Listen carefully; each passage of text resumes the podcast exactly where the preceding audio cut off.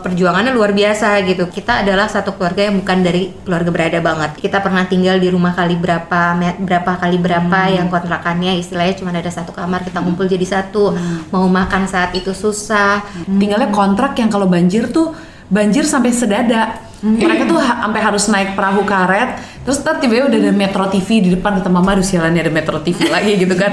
Gua sama Michael lagi ntar diwawancara lagi udah. Sekarang ini makin banyak ya public figure yang mulai menjalankan bisnis fashion muslim. Tapi apakah bisnis tersebut bisa langsung berjalan lancar dengan bekal popularitas? Sejauh mana popularitas punya pengaruh dalam membesarkan sebuah usaha?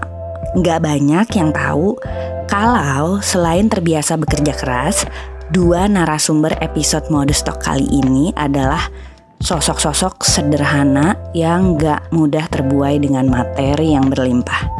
Contohnya nih, waktu mereka mendapatkan keuntungan pertama dari perusahaan mereka, mereka memilih untuk membelikan rumah buat orang tua mereka yang sengaja dicicil sampai sekarang biar nilai berkahnya ada terus katanya.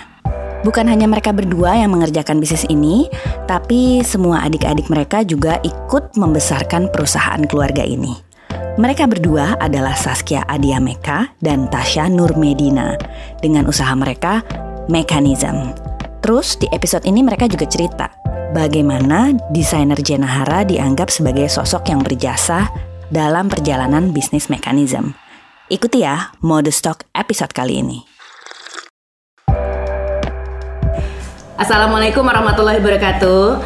Di episode kali ini, Mode Stock uh, mendatangi kantornya Mekanism. Ada Saskia Adia Meka dan juga Tasya Nurmedina. Hai, Assalamualaikum. Assalamualaikum salam. Oke, okay, di episode ini kita yes. pengen tanya-tanya uh -huh. uh, tentang Mekanism yang bisnisnya banyak banget ya. Bisnis. Ada bisnis make up. Udah gitu line fashion muslimnya juga beberapa. Ada tiga, iya. Ada kue-kuehan juga. Ada kue. Nah, coba dijelasin ada apa aja sih bisnis Kue punya Ibu Saskia sendiri. Oh, Oke. Okay. kalau uh, mekanisme ada aku Saskia sama nyelip papa supaya hmm. kalau kita lagi ada uh, drama-drama, nah papa hmm. yang menengahi. Hmm. Gitu. Oke. Okay. Nah, kalau di uh, yang kosmetik itu ketujuh Seluruh. anak mama Seluruh plus mama, mama dan papa. Kosmetik semuanya. Ya, karena okay. yang di uh, clothing line yang satu lagi itu yang ZM itu ada Mama Saskia Haikal, Tania, dan Marsha. Jadi line line fashion muslimnya tuh ada tiga, tiga, tiga Bia, Bia, ZM, sama Mekanism. Nah kan orang suka banyak yang nanya, ini bedanya apa sih tiga? Ya, itu dia. Udah gitu namanya Saskia Meka juga gitu, apa hmm. bedanya semua? Pertama, sebenarnya Mekanism yang paling pertama berdiri udah tujuh tahun ya kak. Hmm. Nah terus kalau Mekanism ini sebenarnya kayak lebih uh, butik kayak tapi tetap daily wear baju-baju yang aku pakai setiap hari hmm. terus yang aku bikinnya nggak terlalu banyak jadi kayak satu model tuh cuma dua lusin paling banyak hmm. uh, mungkin kalau kita ngelihat brand-brand di mall tuh kayak Pull and Bear kayak hmm. H&M gitu nah, kan itu mekanisme juga udah banyak juga store-nya ya? mekanisme tadinya ada 11 store tapi akhirnya kita memutuskan perlahan kita tutupin lagi hmm. karena ternyata lebih mudah semua berpusat kepada online sih sekarang. Oh, Oke. Okay. Karena ketika, mekanisme. Mekanisme karena tadinya banyak offline, terus kita berpikir nanti aku ceritain kenapa kita berpikir untuk uh, online lebih praktis. Oke. Okay. Terus kalau yang ZM ini baju daily tapi ada gamis, ada tunik, uh, produknya lebih lengkap. Nah kalau mekanisme ini kan yang megang marketing aku sama Katasha berdua. Hmm. Kita sadar kita nggak bisa masuk sampai ke Indonesia yang bagian pelosok-pelosok banget. Akhirnya aku sama Haikel, sama Tania, sama Marsha, sama adik-adikku yang lain kita bikin ZM kerjasama sama Ramayana. Okay. Nah kalau dia ini baju formal yang bisa buat ke pestanya sih. Oh, Oke, okay. itu gitu. dari uh, fashionnya. Dari fashion, terus kita kembangin, kita pengen gabung semuanya, kita kembangin di Zam Kosmetik. Oke, okay. ini akhirnya yang dulunya berkecimpung di dunia entertainment nih, dunia hiburan, mm -hmm. film lah, terus modeling juga sampai akhirnya sekarang ngejalanin bisnis ini sesuai rencana titipan mama papa atau? Enggak ya? Enggak kita berdua nggak pernah ngebayangin akan punya butik ya.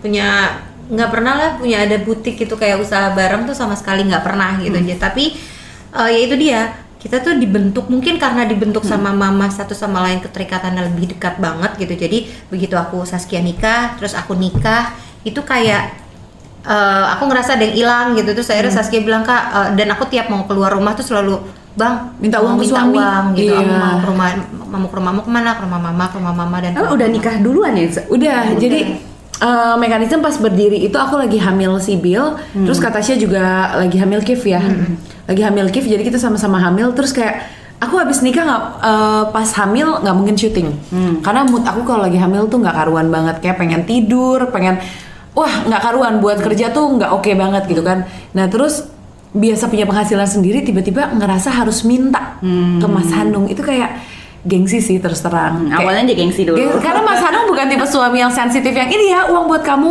ini pegang ATM ku, kamu mau belanja apa silakan enggak. Kalau dia bukannya pelit, cuman emang nggak sensitif aja. Tapi kalau minta bi aku minta gini-gini, oh ya ambil aja pasti gitu. Tapi kan kalau minta terus nggak enak gitu ya.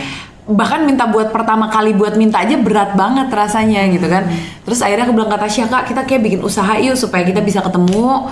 Kan karena kata Tasya tinggalnya jauh dulu di Cempaka Putih, aku di Kemang gitu kan.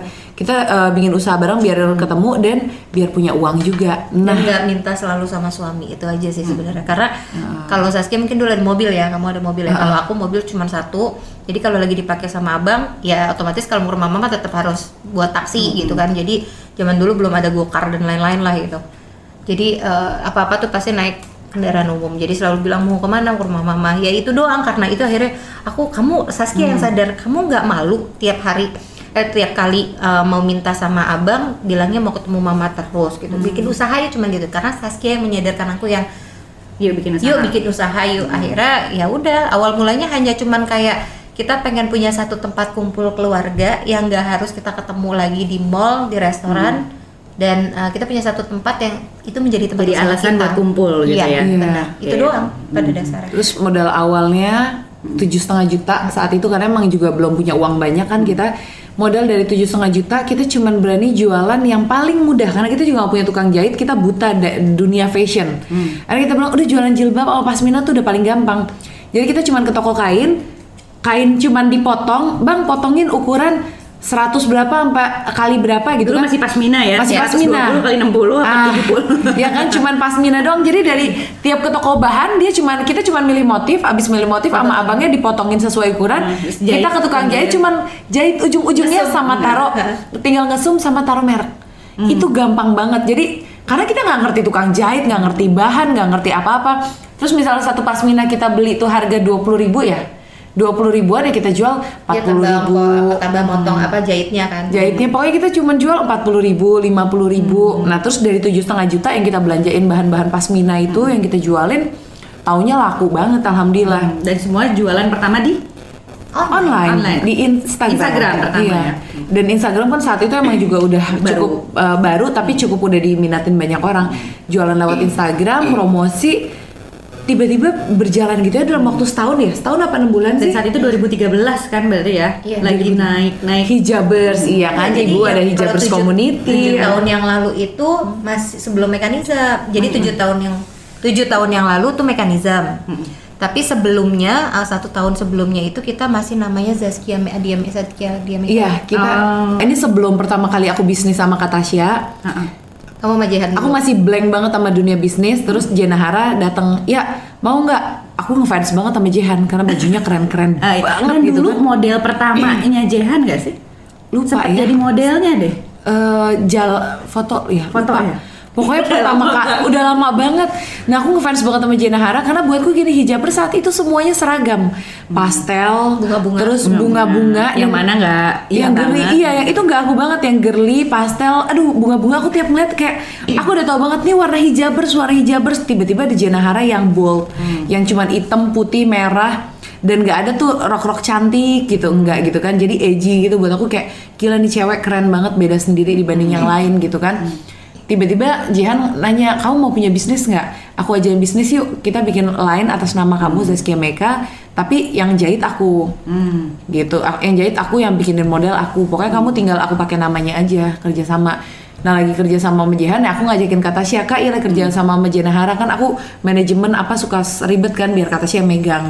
Nah pas kata Tasya megang kita udah jalan sama Jehan 6 bulan terus kata Jehan ya kayaknya Tasya udah lebih oke deh dia udah bisa pegang sendiri Akhirnya dilanjutin. akhirnya kata Jihan gue lepas aja ya lo udah settle udah ini gitu jadi si yang Hmm. orang yang pertama kali berjasa ngenalin aku dunia fashion itu Jenahara sebenarnya Oh, Gitu. Makanya ini kadang kalau- yang baru tahu Iya, kita. jadi kalau ditanya kalau lagi fashion, eh, lagi talk show gitu, Jadi uh, kalau ditanya mau terima kasih sama siapa kamu udah bisa ada di, du- di dunia ini gitu kan? dunia fashion. Aku pun di dunia fashion ini yang sekarang aku selalu jawab Jenhara. Even kalaupun tidak pernah talk show sama Saskia pun aku pasti menyebutkan kata Jenhara karena buat aku yang memperkenalkan uh, ya ya Saskia yang ngajak aku tapi Saskia pun diajak sama Jehan gitu diajarin, dikenalin. dikenalin, ini cara bikin bahan. Ke- Kebetulan kalau yang untuk terjun kayak ini nanti bahannya ini ini ini ini itu aku. Kalau Saskia lebih ke oh ya nanti foto apa. Tapi biasanya aku sama timnya Jehan tuh diajarin nanti begini ya caranya ini begini. Jadi memang aku sangat belajar banget dari Jehan gitu. Hmm, wow, mengharukan. Terus ta- dari tadi udah ngomongin Jehan, eh, terus juga ngomongin keluarga. Ini semua dijalanin bisnis keluarga. Pengen tahu juga eh, perannya mamah papa sampai oh kayaknya balik lagi mau buat jalanin usaha aja motivasinya biar ketemu keluarga gitu. Hah? S- Gimana sih cara didiknya papa mama? Enggak aku tadi udah bilang gue cengeng banget kalau udah ngomongin. Enggak enggak. Basicnya cuman mama sama papa aku tuh kayak eh, mereka mendidik kita tuh kayak lo nggak boleh jauh-jauh deh istilahnya maksudnya kalau ada apa-apa istilah gini seada masalahnya kamu yang namanya keluarga pasti bisa menerima kamu dengan apa adanya jadi mungkin orang-orang berpikir gini Tasya sama Saskia punya mekanisme enak karena Saskia udah jadi public figure Hmm, udah jadi artis Padahal, nih. ya padahal itu semua uh, perjuangannya luar biasa gitu. Kita dulu pernah uh, kita adalah satu keluarga yang bukan dari keluarga berada banget gitu. Kita pernah tinggal di rumah yang uh, pindah pindah pindah pindah pindah pindah dan pindah pindah gitu. Bahkan sampai uh, kita apa namanya uh, sampai uh, kita nikah aja kayaknya kita nggak pernah punya rumah pribadi sendiri kali ya mama ya. Enggak, iya Ya? semenjak dari SMP. Iya, jadi dari SMP tuh kita pasti uh, mungkin kalau orang bilang wah enak ya pindah-pindah, kita tuh setiap tahun bisa pindah-pindah. Jadi kalau ditanya udah berapa kali ting- uh, pindah rumah sebelum menikah, kayaknya mungkin berapa udah banyak banget. Itu ngontrak ngontrak ngontrak Kontrak, semuanya kontrak. Aku nggak pernah punya, punya punya rumah sendiri. Jadi memang kalau ditanya yang paling bisa merasakan ya Tasya, Saskia, Tania itu itu Adik-adik. merasakan adik-adik tapi nggak sampai semuanya ngerasain gitu hanya beberapa adik-adik aku aja. Jadi kita pernah tinggal di rumah kali berapa berapa kali berapa yang kontrakannya istilahnya cuma ada satu kamar kita ngumpul jadi satu. Mau makan saat itu susah. Terus yang kayak eh, pada saat misalnya mama eh, kita dulu sangat berharap dengan yang namanya Saskia dan Haikal. Jadi kita bisa bisa punya punya mama bisa punya uang lebih tuh kalau Saskia syuting kalau Haikal syuting gitu. Makanya dulu kan semua di maintain sama mama gitu. Karena sebegitunya kit- aku pernah merasakan yang namanya sulitnya pada saat masa itu nah membuat aku sekarang ini jadi kayak oh gue tuh bukan orang yang ada banget gitu. Jadi sekarang ada seperti ini harusnya bisa dihargain banget gitu. Punya uang even satu juta aja kadang suka bingung mau dipakai buat apa gitu. Bahkan sekarang aku sama Saskia selalu berpikir kayak punya uang bukan berarti untuk dibelikan sesuatu yang keinginan apa ya ngikutin ego gitu. Ego iya gitu. Jadi nafsu nafsu nafsu. Kadang-kadang kayak eh, aku sama Iya suka bilang kalau ya, ya ini ada uang buat apa? Iya pun kadang kalau ditanya punya uang bahkan untuk diri pribadinya aja tuh cuma sedikit banget gitu. Karena kita selalu bilang siapa lagi ya? Yang ini bukan bukannya kita jadi takabur atau apa. Enggak. Tapi memang kenyataannya adalah karena kita pernah mengalami susah itu begitu kita punya satu penghasilan yang akhirnya kita bisa punya jadi lebih menghargai uang itu. Tapi lucu juga kan banyak orang yang kayak karena aku tuh lahir dulu pernah susah banget jadi begitu ada uang aku pengen ngerasain rasanya beli beli barang yang mahal tapi kalau iya sama eh, Tasya justru karena dulu pernah ngerasain susah jadinya bingung mau beliin itu Karena- titipan mama papa juga Enggak, jadi karena kita ngerasa masih lebih ada kebutuhan yang lain gitu. Terus kalau emang ada orang yang lebih bisa dibantu. Jadi sebenarnya kenapa kita pengennya sama keluarga dulu usaha gitu? Karena ketika kita punya penghasilan yang baik, kita pengen nolong keluarga dulu. Jadi pertama pas mekanisme berdiri jalan 2 tahun alhamdulillah pemasukan kita luar biasa banget. Ketika kita punya uang di mekanisme pas udah berjalan dengan baik, aku bilang sama Tasya, kak ini uang kita pertama mau kita apain ya? Kita bagi dividen setelah dua tahun. Karena tahun pertama kita nggak bagi dividen. Terus dan itu dari tujuh setengah eh tujuh setengah juta dari tujuh setengah juta nggak pernah pinjem nggak pernah nggak pernah pinjem uang ke mana pun terus nggak pernah kita ambil ambil jadi kita diemin pas udah dua tahun wah udah banyak juga ya. Mau kita apain ya uangnya terus eh, kita berdua ingat mama papa kan nggak punya rumah. Tinggalnya kontrak yang kalau banjir tuh banjir sampai sedada. Mereka tuh ha- sampai harus naik perahu karet. Terus ntar tiba-tiba udah ada Metro TV di depan kata mama aduh sialan nih ada Metro TV lagi gitu kan. Gua sama Haikal lagi ntar diwawancara lagi udah begitu gitu kan. Akhirnya aku bilang ke Tasya kan rumah kamu nih paling jauh nih dibanding rumahku aku udah di Kemang. Kamu jauh di Jagakarsa. Terus tapi pengen beliin mama rumah. Rumah mama harus kita beliin yang terdekat sama kita supaya nanti kalau ya namanya kan orang tua kalau ada apa-apa biar kita mudah bantunya. Terus uh, akhirnya kita cari rumah dua rumah dari rumahku tuh ada rumah. Tapi harganya tiga kali dibanding rumahnya Kak Tasya. Kak mau nggak nih beliin mama rumah ini? Tapi ini lebih mahal dari rumah kamu. Atau enggak kamu mau nggak pindah ke dekat rumahku? Nanti mama yang di rumah kamu gitu kan. Yang penting kita beliin rumah aja nih tahun kedua gitu kan. Akhirnya kata Tasya bilang enggak lah udah buat mama aja dulu. Kenapa harus aku lebih mahal? Gitu kan ya udah akhirnya Bismillah di tahun kedua mekanisme aku sama Kak Tasya dividen pertama kita kita beliin rumah buat mama papa. Dan aku selalu yakin kenapa mekanisme bisa bertahan sampai sekarang tahun ketujuh. Karena rumah kita kan masih nyicil ya. Jadi kan dibilang mahal. Iya kan aku bilang tadi. Satu kali kita bilang ya mau ditutupin apa enggak? Saskia selalu bilang kalau ditutupin nanti Allah nggak ngelihat kalau kita masih bantu Iya. mama Jadi gitu. aku ber- Udah. aku merasa mekanisme bisa berdiri sampai tahun ketujuh karena aku selalu percaya Allah kan bilang kan ridhonya kita tuh ada di orang tua. Kalau kita ngebahagiain orang tua, pasti Allah akan mudahin semuanya gitu. Terus dengan cicilan yang masih cicilan paling udah dua tahun lagi sih. Terus tiap kita ada uang kata Syah bilang ini kita lunasin apa enggak ya? Jangan. Kalau kita lunasin nanti eh, nanti kita berarti harus cari cara lain untuk kita Beli rumah sesuatu lagi. lagi. Iya, Rumah iya. buat orang tua. Karena papa ketika kita bilang ntar kalau ini udah lunas kita harus beli sesuatu. Aduh, papa udah nggak mau apa-apa apa gitu kan. Papaku juga kayak kita, orangnya nggak ada nuntut apa-apa. Nggak mau apa-apa, ngapain sih umur udah segini, udah ada rumah, udah alhamdulillah mobil udah ada. Ya udah makanya kita nggak boleh lunasin dan nanti sebelum ini lunas 6 bulan kita harus harus mikirin kita harus beliin apa lagi buat mereka berdua supaya kita ada cicilan lagi buat orang tua gitu. Karena aku yakin banget semua kemudahan, semua bisa berjalan walaupun kadang-kadang lagi sepi banget kan sempatnya bisnis fashion tuh lagi sepi lagi turun banget tapi tetap aja pemasukan kita cukup untuk bayar karyawan untuk Bayar bayar cicilannya cicilan. mama Ah, ini bayar karyawan semua dan tadi juga ngejelasin banget jalannya awal mula ngejalanin bisnis ini. Iya sama Tasya tuh semuanya turun tangan untuk menjalankan bisnis ini. Apa dikerjakan sama orang yang lebih berpengalaman? ah awalnya turun tangan kita berdua terus akhirnya kita mencoba ngasih ke orang profesional. Kita lempar ke orang profesional yang gajinya gede banget pengalamannya udah di mana-mana. Tapi ternyata ketika orang itu pegang bukannya lebih baik mekanisme justru makin buruk sekali. Oh. jadi mekanisme pernah berada di titik terburuknya ketika justru posisi aku dan Katasya dipegang sama orang luar orang profesional. Ya aku ngerasa mereka emang sebenarnya baik gitu bagus gitu kan. Tapi tapi nggak nggak works di mekanisme gitu kan. Akhirnya Buruknya tuh apa tuh? Em, penjualannya menurun. penjualannya menurun terus dari Costly-nya juga lebih tinggi. Kosnya kan, lebih gitu. tinggi karena kan ada dua orang yang bay- bayarannya besar gitu-gitu. Dan sebenarnya pada akhirnya orangnya nggak gitu amanah-amanah banget juga gitu. Akhirnya terus kita sempat ganti orang kejadian gitu lagi. Akhirnya kita berpikir kayak mekanisme emang ini harus kita yang ngurus sih gitu. Nggak bisa dilepas ke orang karena kita udah nyoba beberapa kali lepas ke orang akhirnya tidak berjalan sebaik ketika kita berdua pegang. Jadi sekarang kita di titik kita pegang lagi sih Bagi tugasnya gimana? Siapa yang desain? Yang desain ada tim desainer. Uh, enggak, desain aku dan satu orang ada. Kita aku pegang desain dan produksi. Terus Katasya megang semua manajemen keuangan apa. orang. Iya, SDM semua. Iya, Pokoknya semua. Katasya mengurus semua bisnis ini. Aku pure cuman pegang uh, produk. Produk. Iya bahkan kalau waktu kalau boleh flashback zaman zaman dulu waktu pertama kali masih online belum nama si mekanisme udah nama mekanisme memang teh saya. Iya. udah ya? Yang namanya ya pokoknya udah mekanisme itu waktu awal itu semua barang-barang eh, yang udah jadi masuknya ke rumah aku dan mertua aku. Aku kan masih tinggal sama mertua. Berkarung-karung terus sampai mertua aku bilang Tasya berapa banyak karung lagi yang akan masuk rumah mama? Hmm.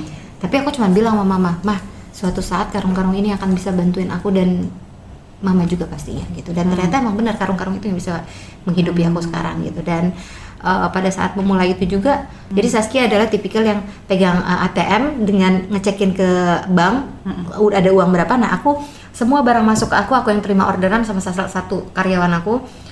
Dia yang terima orderan aku yang packing. Terus pagi-pagi tiap pagi jam tiap pagi aku bawa zaman dulu belum ada uh, yang bisa aplikasi itu. Akhirnya aku bawa pakai ojek langganan. Itu semua bawa paket-paket itu ke ekspedisi. Aku masukin semuanya.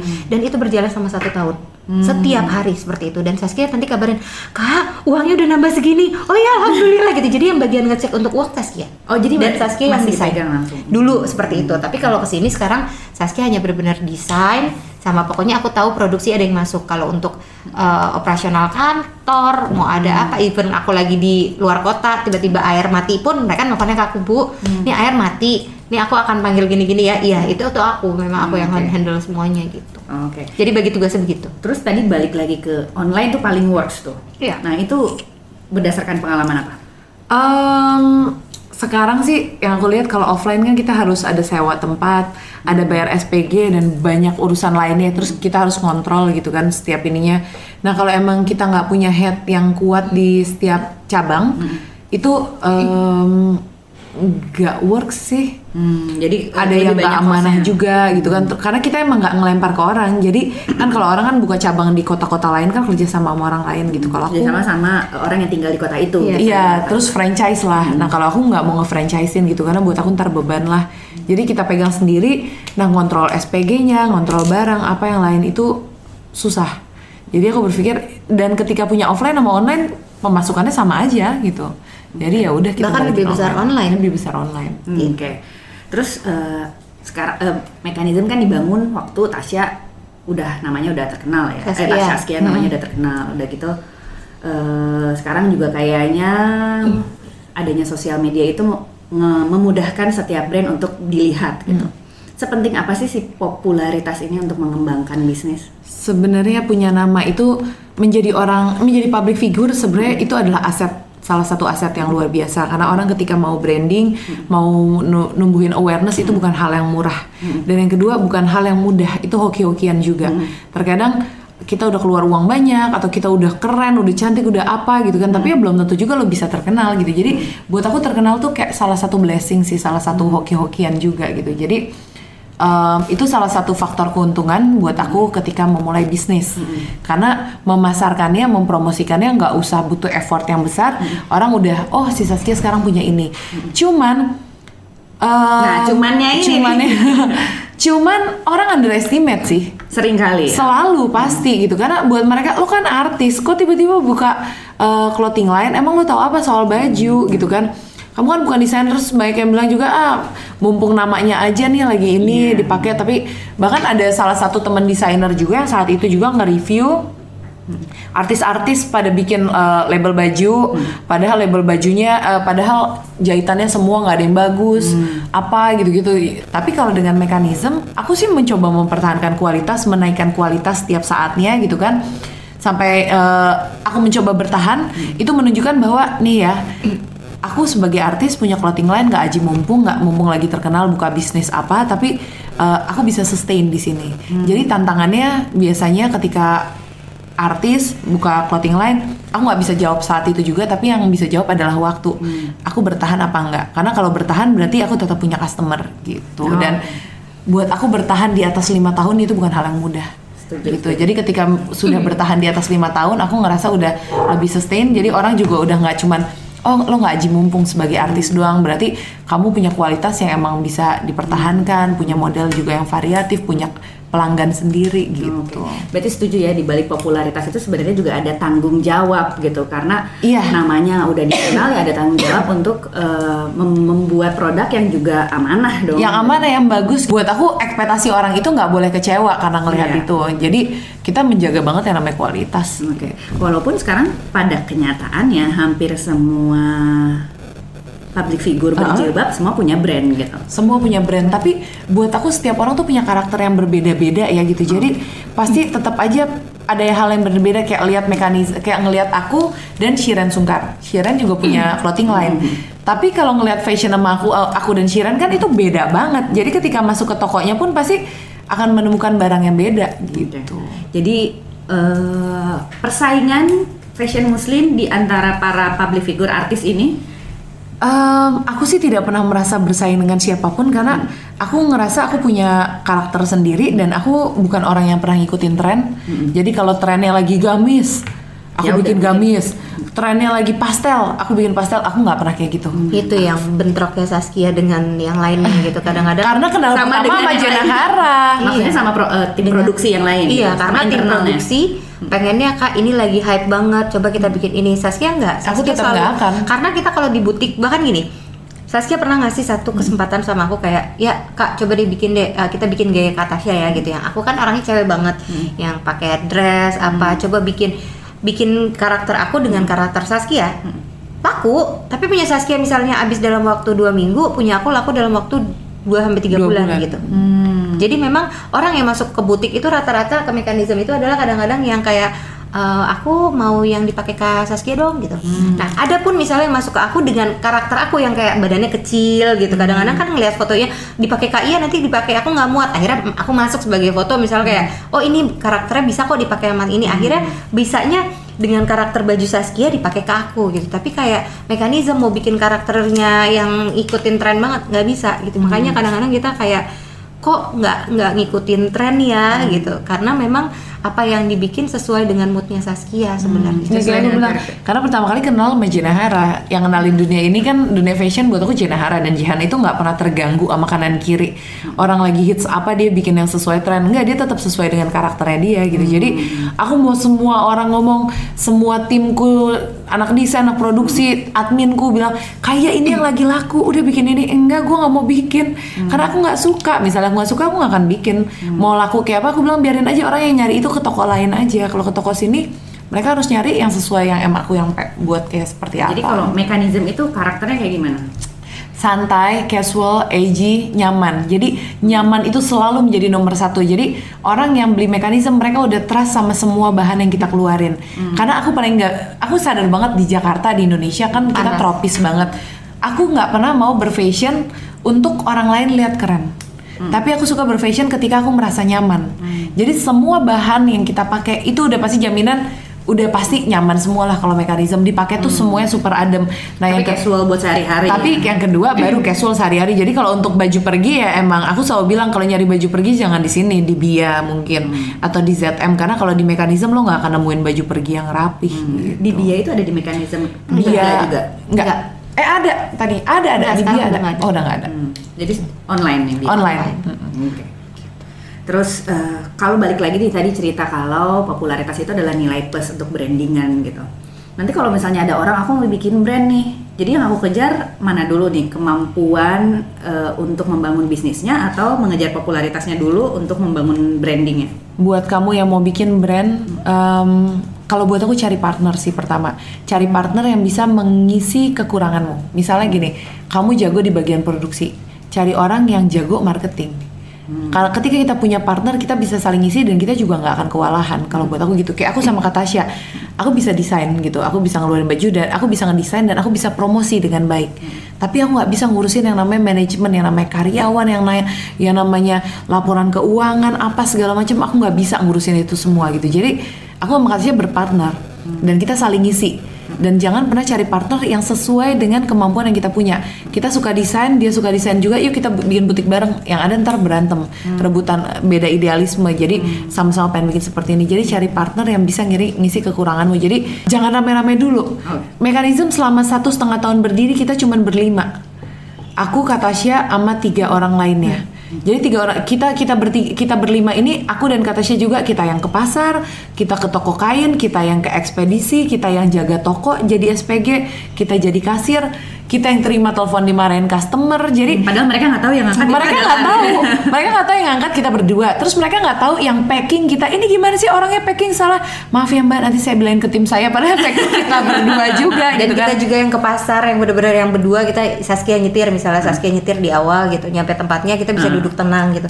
Begitu udah barang masuk itu aku nempel tembok eh, nempel kaca Saskia juga nempel kaca gitu. Karena tengah-tengah udah bahan kita antar Iya. sendiri ke tukang bahan gitu. Terus Jadi kayak, jangan- Jadi di mobil itu dia sama-sama nempel kaca. udah Iya, nempel kan? udah. dan jangan pernah buru-buru punya karyawan. Iya, Jadi benar. ketika kamu punya bisnis minimal satu tahun kamu harus turun, Turun tangan langsung. sendiri.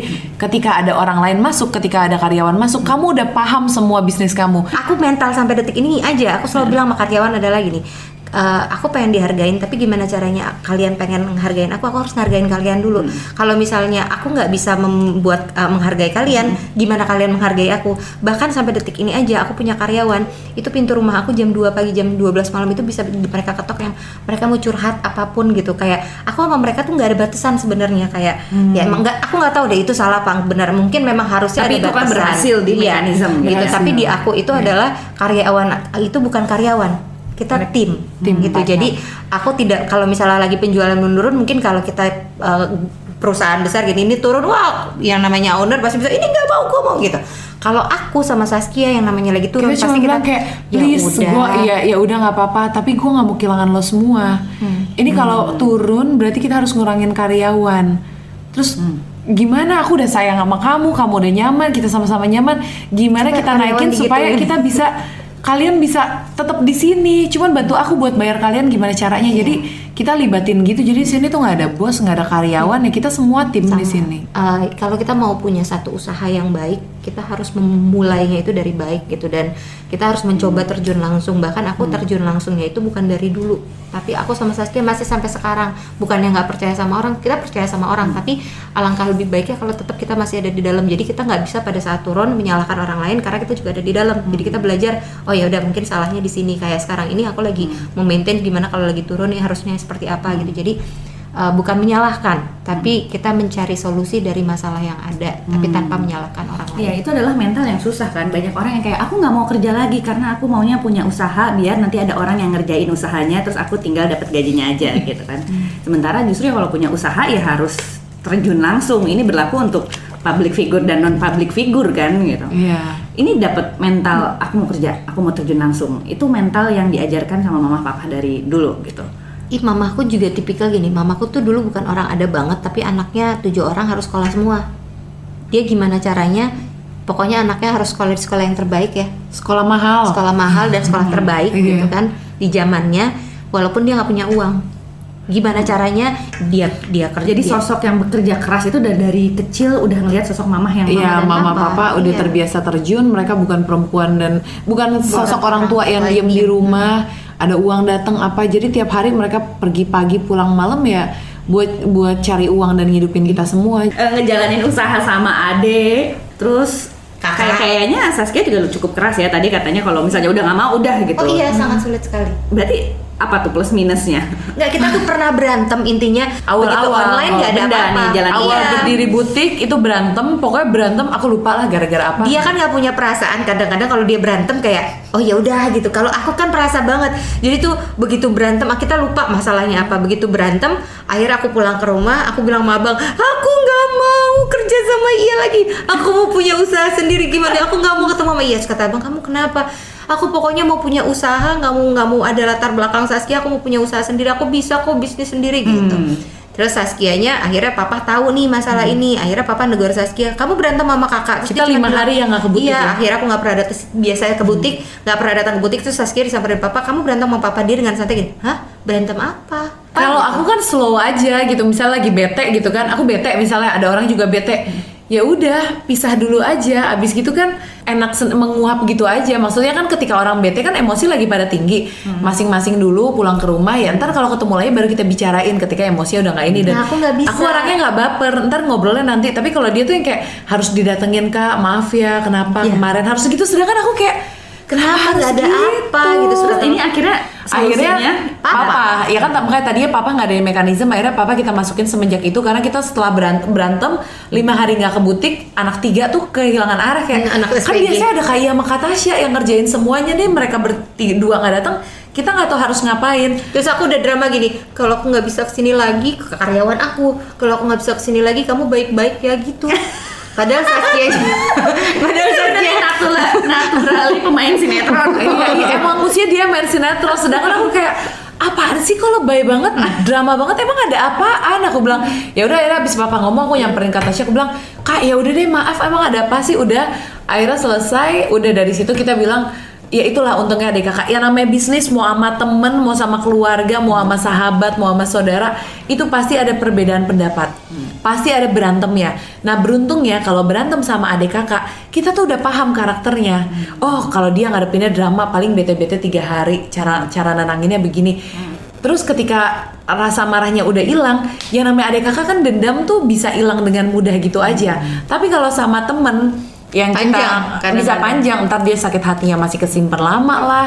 Kita juga nggak paham banget karakternya dia aslinya kayak apa dan temen tuh bisa memutuskan gue nggak mau kerja sama sama lo lagi. Tapi kalau yang namanya keluarga abis berantem, acara keluarga juga ketemu kok, acara ini juga ketemu. Jadi mau apa dan lucunya kita sekarang punya dua grup. Jadi grup ber- eh, merger, grup bisnis, sama grup keluarga. Nanti bisa di Orangnya merger. sama semua. Isinya sama, nggak ada bedanya. Mama, papa, sama tujuh anaknya. Satu lagi di merger, mama, papa dan tujuh anak. Tujuh anaknya sama. Jadi apa Ben? Bedanya- Bedanya ketika di merger kita lagi berantem nih. Eh, soal kantor misalnya, enggak aku nggak mau ya, oh jangan gitu dong, apa itu berantem gini, ya udah lah terserah, terus tiba-tiba di grup keluarga ada yang nyaut, eh besok jangan lupa ya dinner eh, ulang tahunnya papa gitu kan, dan semua nyaut, oh ya udah ntar kita potluck ya, aku bawa ini, kamu bawa ini, oke kak, jangan telat ya, nih Haikal suka telat ya, ke merger lagi berantem lagi, jadi kita benar-benar bisa menempatkan posisi kapan harus menjadi keluarga, kapan, kapan harus partner. menjadi partner bisnis. Dan itu kita kayak semua akhirnya menjadi split personality sih. Iya, tahu pernah nonton orang yang split. Iya. Iya. Jadi kalau bisnis dengan keluarga tuh harus bisa membatasi mana profesionalisme, mana uh, keluarga gitu. Itu Oke. poinnya. Jadi intinya harus terjun langsung nih ya. Yang Harus. wajib wajib terjun langsung. Iya. Kedua, irit-irit aja dulu, jangan kalap mata ya. Heeh, itu pokoknya Tahu prioritas lah ya Iya, uangnya mau benar. dipakai ke mana. Lebih baik buat ngegedein bisnisnya. Ya mempertahankan bisnis sampai minimal lima tahun aja, Hmm, karena oke. sustain kalau udah Ketiga, pilih partner yang tepat ya. Iya. Terus apa lagi nih? Keempat, Keempat yang jangan jangan cepat puas. oh jangan cepat puas. Oh. Karena kalau misal kadang-kadang dilihat uh, wah ini udah bagus, udah berarti kita udah tenang-tenang aja enggak gitu. Jangan jangan pun sampai titik kita gampang puas deh kalau bisa. Pernah pengen ini gak sih? Pengen udah deh tutup aja mekanisme. Tau gak sih, aku sama Kak Tasya justru tidak pernah pengen mekanisme tiba-tiba penghasilannya misalnya sebulan 2 miliar. Terus eh, bulan depan, ayo bulan depan berarti kalau bulan ini 2 miliar, bulan depan harus 3 miliar gitu kan. Kita nggak pernah gitu, kita berdua selalu santai aja. Pemasukannya yang penting cukup aja. Aku Kak Tasya kalau gitu udah nggak usah ngotot banget. Aku nggak pernah pengen mekanisme langsung meledak gede banget terus kita dapat penghasilan besar gitu nggak. Yang aku tahu kita berdua tuh nggak ada punya kepengenan gue harus kaya raya, ya. gue harus punya mobil lima, mobilnya harus Ferrari apa segala macam. Enggak, kalau buat aku semua sesuai dengan kegunaannya aja. Kalau emang punya mobil dua dan udah cukup, kenapa harus punya tiga? Nanti dan kalau misalnya kita bisa pakai hisapnya, ya kita bisa pakai barang-barang dengan harga yang murah, Harga murah kenapa dan enggak terjangkau, gitu. ya. Jangan berarti orang dilihat dari eh, apa yang dipakai. Nah, itu salah. Oke. Tapi nggak salah kalau pakai mekanisme sih. Itu closing yang bagus. Iya, mekanisme aja. Mekanisme aja karena harganya terjangkau. terjangkau dan kalau buat aku yang penting nyaman sih. Oke. Kalau kita nyaman, inner beauty kita akan keluar. Asik. buat apa pakai baju yang ribet, yang panas, pakai sendal tinggi, kamunya kesakitan, tapi kita nahan sakit di dalamnya. Oke. Closingnya adalah mekanisme bisa didapatkan di mana aja? Di online-nya Lihat ada- aja di IG-nya Di di Mekanisme. Indonesia, nanti dari Mekanisme Ada- nanti enggak, dari coba, Mekanisme ada. Indonesia kamu bisa melihat channel-channel yang lain. Enggak, aku yang aku Udah jelasin. gitu aja. Meka- enggak, kan ini harus detail namanya podcast. jadi harus detail. Jadi Kan kalau mau di dapetin- Mekanisme Indonesia kalau nanti lihat, ada kalau di Shopee, Mekan- ada di Tokped, Nanti ada di- dikomplain kalau cuma mekanisme Indonesia doang sama yang dengar. Oke. Seru nih. Jadi kalau di mekanisme mau cari di online bisa dapetin di mekanisme Indonesia atau mekanisme ID ataupun mekanisme shop. Tapi kalau Oke. outletnya bisa dapetin di uh, mekanisme Kemang itu di Jalan Bendaraya nomor Hmm. 54C atau uh, di mekanisme Detos. Detos. Iya itu dia. Oke. Dan kalau misal mau dapetin di uh, store yang kayak uh, apa itu Transmart. namanya? Ya itu bisa datang ke Transmart, ada di. Padang dan Transmart Bintaro. Oke, itu semuanya ya. Iya, Dan yang paling lengkap lihat ke channel Instagram Instagramnya Mekanism ya. Betul, iya, Mekanisme ada mekanisme Indonesia. Indonesia. Indonesia. Kita. Iya. Terima kasih untuk Tasya dan Iya. Terima kasih. Assalamualaikum warahmatullahi Waalaikumsalam wabarakatuh.